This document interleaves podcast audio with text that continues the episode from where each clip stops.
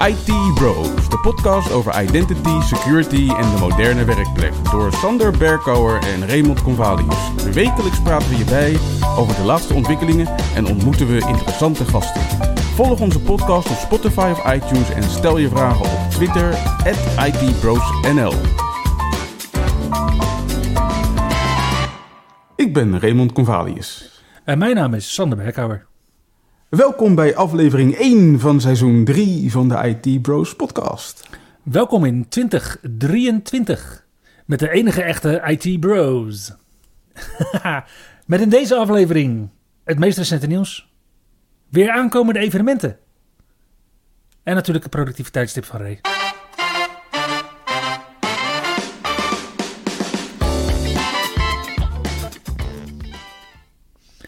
Nou, laten we het jaar dan maar goed beginnen met Windows 11 nieuws, denk ik. Ja, het uh, Windows 11 team van Microsoft is het jaar goed begonnen door meteen in de eerste week nieuwe builds uit te brengen in zowel de Developer Channel als de Beta Channel. In het Developer Channel kwam build nummer 25272 uit. Er verandert niet zo heel veel in, maar toch wel een paar significante dingetjes. Zo verhuist Quick Assist vanuit de Windows Tool naar het hoofdmenu in het startmenu. Dus je hoeft er minder naar te zoeken. Ja. Handig voor alle helpdesk collega's die hulp op afstand bieden. Precies. Microsoft stopt met de Suggested Actions in Edge. Dat was een uh, experiment wat ze blijkbaar gestart hebben, maar wat toch niet zo succesvol heeft uitgepakt. In ieder geval geven ze aan dat ze op basis van de feedback hebben besloten om hier niet mee verder te gaan. Heb jij het gebruikt? Nee. Nou, dan is je feedback blijkbaar bij Microsoft terechtgekomen. Ik denk het. En de laatste is ook een aangekondigde stap van Microsoft, namelijk dat ze Windows SIP System voor Linux niet meer in de codebase van Windows meeleveren. Ja. Nou, dat klinkt alsof het helemaal Hosanna is, deze beeld. Maar ik zag ook dat er een kleine issue is met beeld 25272. Mm -hmm. En voor mensen die gehecht zijn aan hun gezicht Oh wauw, dat klinkt ineens wel heel morbide. Um, wil je misschien wel deze beeld overslaan?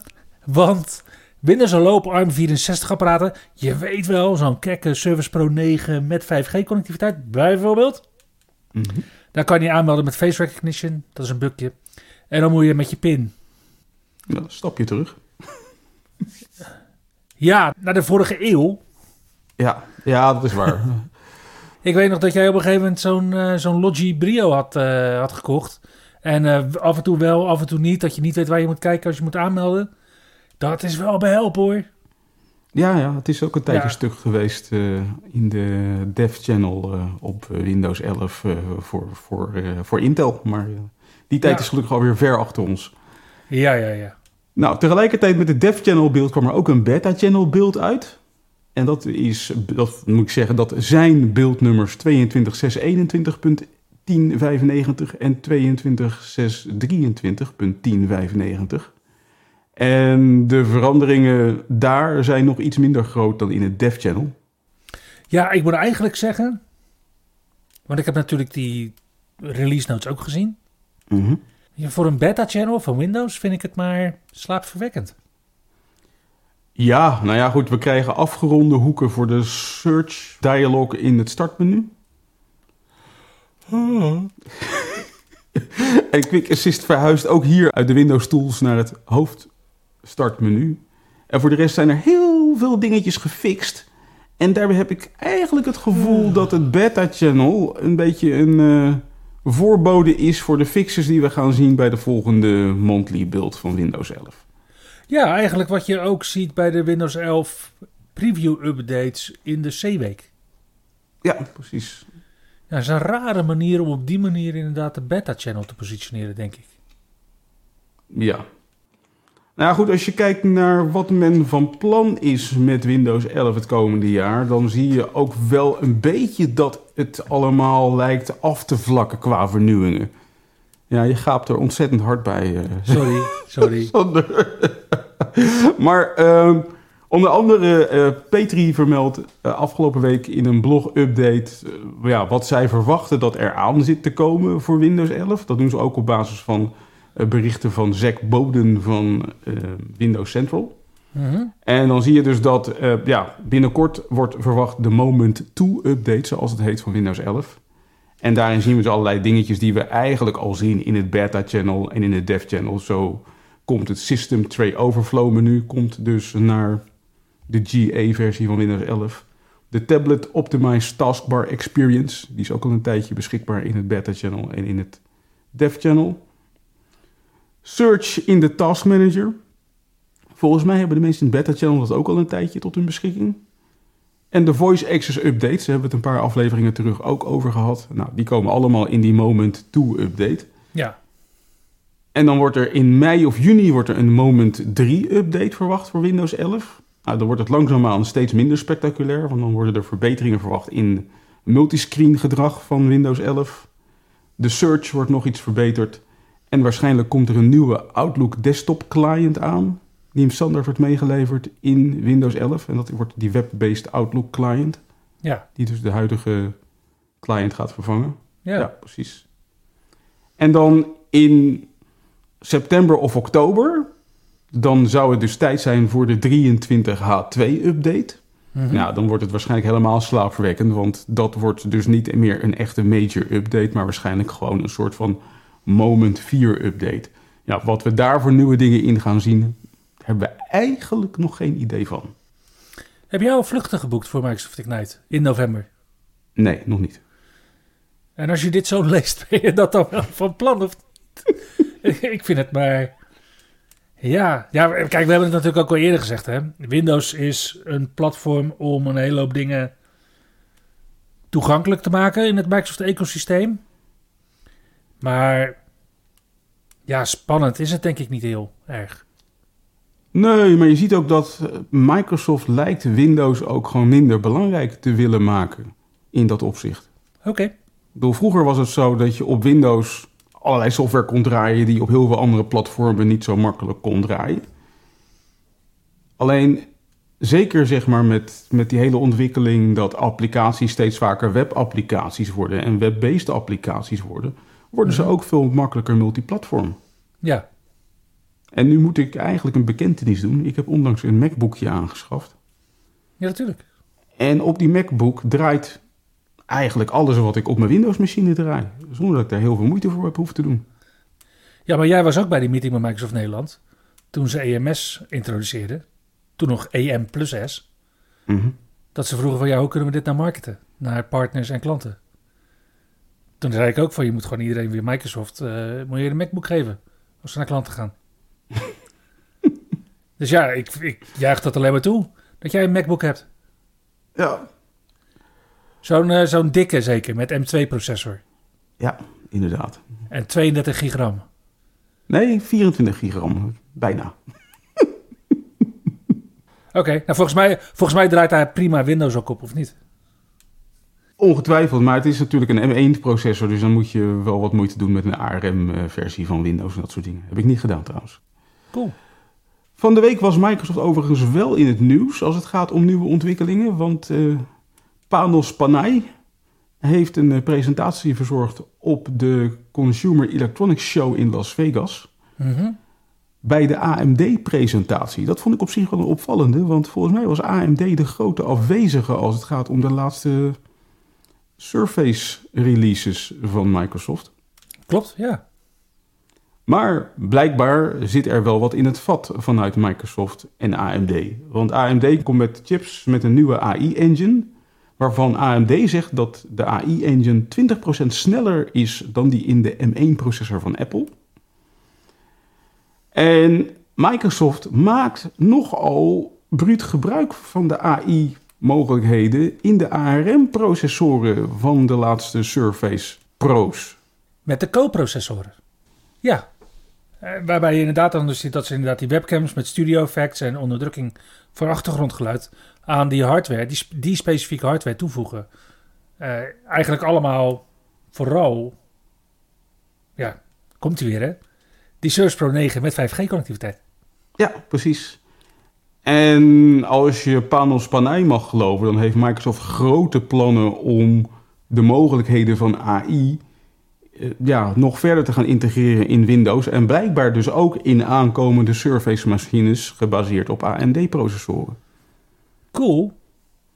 Very cool. Ja. En daarnaast zegt eh Panos uiteraard dat AI ons, onze wereld gaat veranderen de komende tijd. En ja, de geruchten gaan dat Microsoft van plan is om ChatGPT, die is dus die AI-toepassing die momenteel eh, nogal wat eh, aandacht trekt Mhm. in de wereld, om dat in te gaan zetten in Bing. Zodat je dus, wanneer je een zoekopdracht geeft aan Bing, dat je echt een compleet netjes AI-gegenereerd eh, antwoord krijgt van Bing. En daarnaast heeft Microsoft eerder al aangekondigd dat ze van plan zijn om DAL-E 2 te gaan integreren in Bing. En DAL-E 2, dat is dat platform waarmee je eigenlijk opdracht kan geven om AI een plaatje te laten genereren met Ja. Die Precies. voorwerpen waarvan je aangeeft van laat mij dat even zien. Dus, eh, nou ja, goed. Geen eh, directe hardware aankondigingen van Panos dus op de CES. Maar hij belooft wel dat er van alles aan zit te komen voor eind van dit jaar. Dus misschien toch wel iets leuks om naar Ignite Ja. naar uit te kijken. Ah. ja, want de aankondigingen die we kregen op Ignite waren voor mij ook nog best wel verrassingen. Ja. Uiteindelijk. Nou ja, Microsoft heeft de afgelopen Ignite erg hard ingezet op nieuwe hardware. Met eh, die Surface Pro's die daar opeens stonden op de eerste dag van de Ignite-conferentie... en waar we gelijk mee mochten gaan spelen. Precies. En als we het dan toch hebben over de Surface-lijn... ja, over de Surface Earbuds gaan wat minder fraaie verhalen rond. Want eh, de earbuds die werden dus geïntroduceerd in mei 2020. Dat Mhm. waren toen de tegenhangers voor de AirPods onder andere... Ja. En het lijkt erop dat Microsoft er daarna niet zo heel veel meer mee heeft gedaan. Want er kwam dus nog een, eh, ja, een nieuwe kleur uit van deze earbuds in september 2020. En met die nieuwe kleur kwam er nog een firmware-update uit in september 2020. En daarna hebben we nooit meer firmware gezien voor deze earbuds. Terwijl de earbuds, nou ja, niet bepaald vlekkeloos werken voor iedereen. Dus eh, ja, bij eh, Windows Central vermoeden ze dat eh, ja, de earbuds zo, gezegd abandoned zijn bij Microsoft. Dus dat Microsoft er eigenlijk gewoon helemaal niks meer mee doet. En er misschien, heel, heel misschien, nog wel nieuwe versies van de earbuds aan zitten te komen.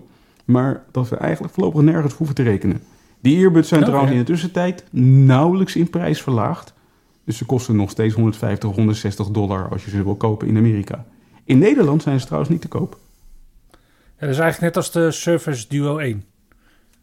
Ja, Ontzettend, ontzettend goedkoop eh, nu nog steeds in de VS. Eh, vooral voor een, de telefoon en zijn functionaliteit. Maar in Nederland ook niet, eh, niet meer verkrijgbaar.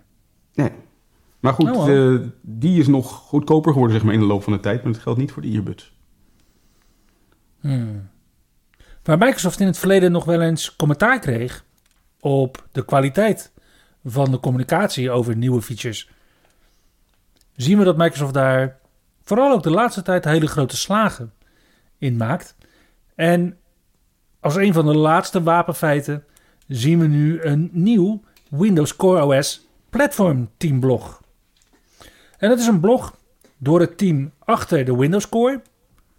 En dan denk je van ja, wat zit er dan allemaal in? Nou, virtualisatie zit daar onder andere in. Hyper-V is onderdeel van de Windows Core. Ik weet nog dat we een keer een eh, enorm leuk gesprek hadden gehad met een Principal Program Manager van Hyper-V, die eindelijk kon vertellen dat Hyper-V in Windows kwam, omdat hij in het Windows Core team zat en niet in het Windows Server team zat. Terwijl Hyper-V er toen alleen in Windows Server was. Super grappig. Uiteraard gaan ze daar ook bloggen over eh, de ondersteuning voor processoren. Intel, van AMD, ARM. Dat dingen over de kernel. Over het opslagsysteem en daar de ins en outs van. Zoals bijvoorbeeld Spaces Direct. Uiteraard ook Windows voor die Azure Cloud. Dus wat doet dat nou precies? Die Windows Server Azure Edition bijvoorbeeld. Mhm. En de eerste blogpost die we daar zien gaat over CloudHost. En dat is een, eh, een special purpose besturingssysteem voor in de Azure Cloud wat onderweg is. Nu ben ik afgelopen week overgestapt naar een nieuwe password manager. Ik kan het me voorstellen, ja, want jij gebruikt een lastpas, geloof ik, hè? Klopt. En LastPass heeft ja, een niet zo beste beurt gemaakt, als je het mij vraagt. En niet alleen als je het mij vraagt, volgens mij. Ze hebben op eh, 22 december hebben ze een eh, persbericht uitgebracht. In dat persbericht ehm, zeggen ze eigenlijk zoveel als van... ja, we hebben eerder vermeld dat we gehackt waren in augustus. Mhm. Toen zeiden we dat er eigenlijk niks aan de hand was... Maar er is toch wel wat aan de hand. Wat blijkt namelijk? Er is gewoon heel veel klantdata gestolen. Dus complete passwordvaults van klanten van LastPass zijn in verkeerde handen terechtgekomen. Met een heleboel metadata. Dus ook bijvoorbeeld vanaf welke IP-adressen je aan het werk bent geweest. En nu zegt LastPass van... ehm, er is niet zoveel aan de hand als je sterke wachtwoorden hebt gebruikt voor je password. Namelijk als je een password aanmaakt bij LastPass, dan moet je een master password opgeven. Mhm.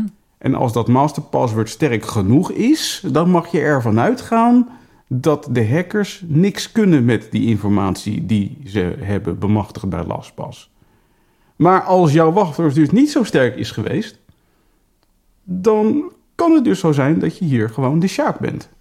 Daarbij is het ook nog eens een keer zo dat LastPass in den beginne helemaal niet zulke sterke wachtwoordeisen stelde aan dat master password. En dat ze daar weliswaar strenger in zijn geworden, ik geloof in 2018 en 2019. Maar dat ze die strengere wachtwoordeisen nooit hebben afgedwongen bij hun bestaande klanten. Dus er Ah. zijn mogelijk klanten die al sinds, weet ik veel, 2012 of 2013 een LastPass Volt onderhouden met een niet zo sterk paswoord. En dat die paswoord Volt nu in verkeerde handen terecht is gekomen. En toen had jij zoiets van... Jeetje, ik gebruikte nog Welkom 2016 als eh master password. Ik moet hier weg. Nou, ik gebruikte een redelijk sterk wachtwoord, maar ja, helemaal vertrouwen doe ik het toch niet meer. En de manier waarop LastPass dit afhandelt is niet in de zin van we gaan vanaf nu zorgen dat het bij iedereen goed komt. Nee, ze, zeggen, ze waarschuwen iedereen van let op dat je wel een sterk wachtwoord hebt gebruikt en, en zoek het verder maar uit. Dat betekent dus eigenlijk dat als het nu straks misgaat bij jou, dan zegt LastPass gewoon tegen je van ja, was je eigen schuld, want je wachtwoord was gewoon niet sterk genoeg. Ja, of als je het niet wijzigt, dat kwaadwillenden natuurlijk gewoon een phishing site kunnen maken die eruit ziet als LastPass. Waar, jij, waar jij dan alsnog je masterpaswoord in invult. Bijvoorbeeld. Nou ja, het was voor mij in ieder geval tijd om eh, verder rond te gaan kijken. En laat het nu zo zijn dat eh, onze vriend eh, Troy Hunt... die heeft een soort van sponsordeal met eh OnePassword. Mhm. En, eh, en die hebben er hier leuk op ingespeeld. Ik weet niet of dit, of dit echt hierop is ingespeeld. Maar in ieder geval, het eerste jaar kan je bij Troy Hunt gewoon eh, de helft korting krijgen op een OnePassword abonnement. Dus ik heb deze week de stoute schoenen aangetrokken. En heb de transitie in gang gezet van LastPass naar OnePassword. En ik moet zeggen, dat ging een stuk makkelijker dan dat ik verwacht had. Dus ik ben, eigenlijk ben ik nu zelf al over. En de rest van de familie gaat eh, de komende dagen over. Oké, cool. Ja, het is voor mij is wel exit eh, LastPass voorlopig. Een aantal organisaties zijn ook nog steeds aan het overgaan van Internet Explorer 11 naar nieuwere browsers. Wat nu blijkt Firefox daar last van te hebben. Want wat blijkt, er zijn aanbieders van websites en applicaties als websites die speciale code hebben om Internet Explorer 11 te detecteren. Door bijvoorbeeld te kijken naar de 11 in een agent string. En daar dan een specifieke versie voor aan te bieden die wel draait op die antieke technologie. Nou, en wat blijkt nu? Vanaf versie 110 van Firefox kan het daardoor gebeuren dat je dus een antieke interface voor je neus krijgt met jouw hypermoderne Firefox browser. Want de eerstvolgende versie van Firefox is namelijk versie 110. En daar zit 11 in. Precies. Nou, dus die blijft op 109 staan, de user agent string. En dan vanaf versie 120 zal de user agent string van Firefox weer het echte versienummer gaan bevatten. Dus ja, als je dan denkt van, ja, ik doe toch niet zoveel kwaad als ik op Internet Explorer 11 en op Windows 7 en Windows 8.1 blijf? Ja, nou, toch meer dan je denkt. Ik zou het niet doen. Nee. En het, wat ik ook niet zou doen, is mijn Exchange server niet patchen, omdat dat te moeilijk is. Een beetje kort door de bocht, maar ja, door operationele problemen besloot Rackspace om dus hun Exchange servers niet te patchen met de updates voor Proxy Not Shell. Dat zijn die kwetsbaarheden waar we het samen met Dave over hadden tijdens Experts Live op 30 september vorig jaar. Waarvoor Microsoft op 8 november officiële updates uit heeft gebracht.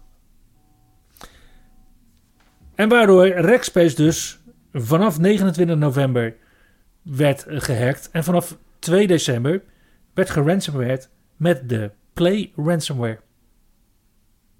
Tja. En dat komt omdat Rackspace vertrouwde op de URL rewrite regels die Microsoft aangaf. En dan hoop ik dat ze inderdaad ook alle vier versies daarvan hebben voorbij zien komen. Maar blijkt dat kwaadwillenden die dus hebben weten te omzeilen. Nou, voor de rest zou iedereen dat wel gepatcht hebben, zou je denken. Maar er zijn nog zo rond de 60.000 Exchange Service installaties kwetsbaar. Voor die proxy nutshell kwetsbaarheden. Tja. Hoe ze binnen zijn gekomen bij The Guardian weten we trouwens niet. Maar ook The Guardian, dat is een krant, is getroffen door een cyberaanval. En vanaf 20 december hebben ze daar besloten om een aantal systemen uit de lucht te trekken. Waaronder het wifi-netwerk uh, op de redactie bijvoorbeeld. En medewerkers van The Guardian moeten in ieder geval nog tot 23 januari blijven thuiswerken. En dat gaat voornamelijk over het hoofdkantoor in Londen, maar er is ook in, uh, in de Verenigde Staten en in Australië impact op The Guardian. En het had niet heel veel gescheeld. Of ze hadden een paar dagen gemist met de krant. Of de salarissen waren niet uitbetaald. Of oude verhalen waren verwijderd van de website en in de app. Maar gelukkig is dat allemaal niet gebeurd. En hebben ze wel gewoon nieuwe verhalen op de site en in de app kunnen publiceren. En hebben ze de krant wel gewoon kunnen drukken. Maar dit was een, uh, dit was een kantje boord. Ja, Vooralsnog. Een kantje bord, ja, inderdaad. Nou, je had het er nog over dat uh, met de feestdagen in aantocht de hackers uh, extra actief zouden worden. En dat we je als systeembeheerder wellicht even extra zou moeten opletten. Nou, dat ja. hebben ze geweten in de Portugese haven. Die zijn dus op eerste kerstdag inderdaad gehackt geweest. Daarbij zijn de systemen voor hun geluk wel operationeel gebleven. Okay. Maar de hackers zijn er wel in geslaagd om een heleboel data te stelen. Die data is gestolen door de hackergroep geheten Lockbit. Ah. En die zijn dus nu bezig om de Portugese haven af te persen. Ze eisen anderhalf miljoen dollar om de data die ze hebben bemachtigd te vernietigen. En het schijnt hierbij te gaan om informatie over werknemers en klanten, financiële rapportages en andere bedrijfsgevoelige gegevens, samen met e-mails en verschepingsdocumenten. Het is nu onbekend of de haven gaat betalen, maar de haven geeft wel aan dat ze protocollen hadden klaar liggen voor een dergelijke situatie. Oké. Dus of ze nou een potje hebben klaar liggen met die protocollen, of dat ze denken dat ze op de een of andere manier niet zo vatbaar zullen zijn voor de schade die geleden gaat worden als Lockbit straks data gaat publiceren. Of dat ze een verzekering hebben. Kan ook. In ieder geval, de deadline is op 18 januari. Dus uh, tot die tijd zullen we even moeten afwachten wat hier precies gaat gebeuren. Ah, dus dat wordt, uh, dat wordt misschien wel aflevering 3. Inderdaad. Cliffhanger voor de Portugese haven.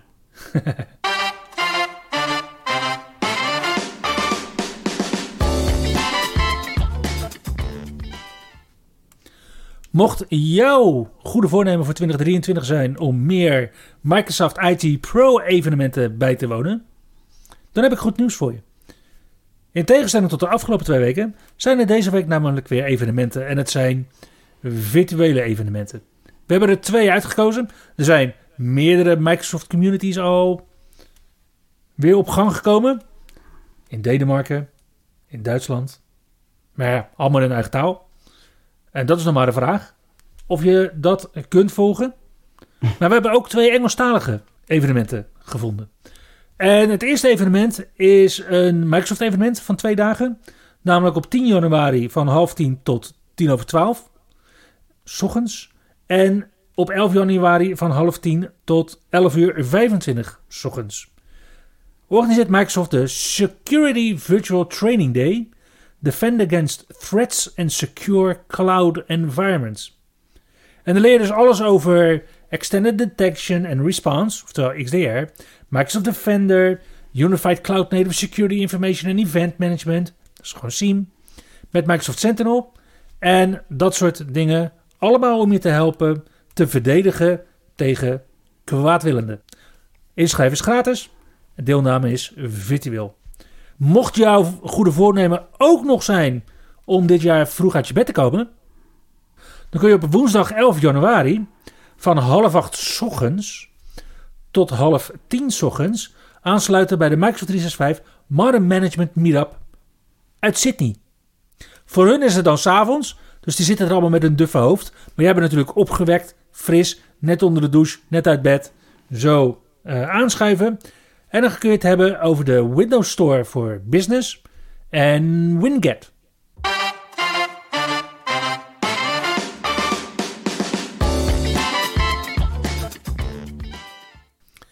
Hey Ray, wat is de productiviteitstip van deze week?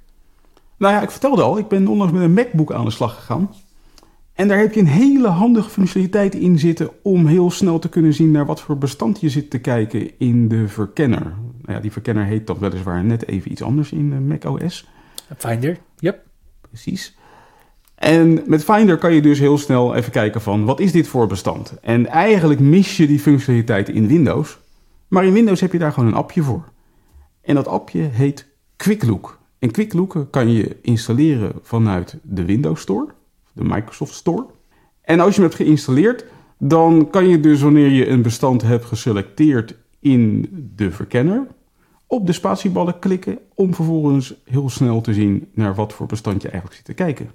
En dat werkt voor diverse bestandstypen, onder andere alle Office bestandstypen, maar ook als je een pdfje hebt of een JPEG of een mp3 of een mp4, dan laat hij meteen het filmpje of het muziekje et cetera zien. En dat doet hij heel snel. En vervolgens kan je die preview ook weer heel snel afsluiten door nog een keer op de spatiebalk te klikken of de escape toets te gebruiken en dan is hij gewoon weer weg.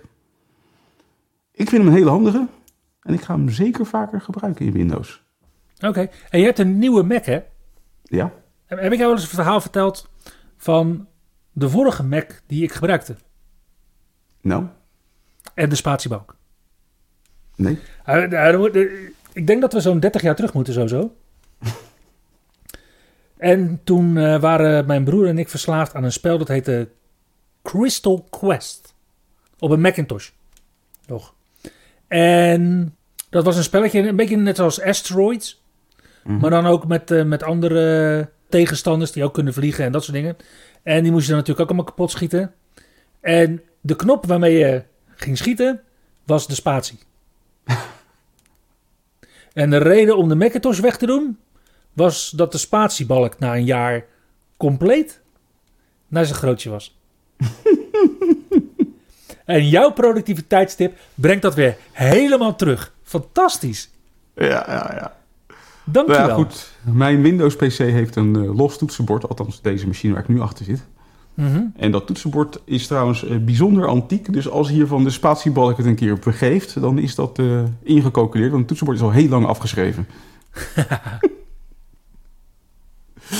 maar goed, voor Quick Look kan je dus terecht in de Microsoft Store. En het is gratis. Dus neem er een keer een kijkje naar. En daarmee komen we langs deze trip down memory lane aan het eind van seizoen 3, aflevering 1. Dankjewel voor het luisteren en tot de volgende keer. Tot de volgende keer. Je luisterde naar IT Bros, de wekelijkse podcast over identity, security en de moderne werkplek.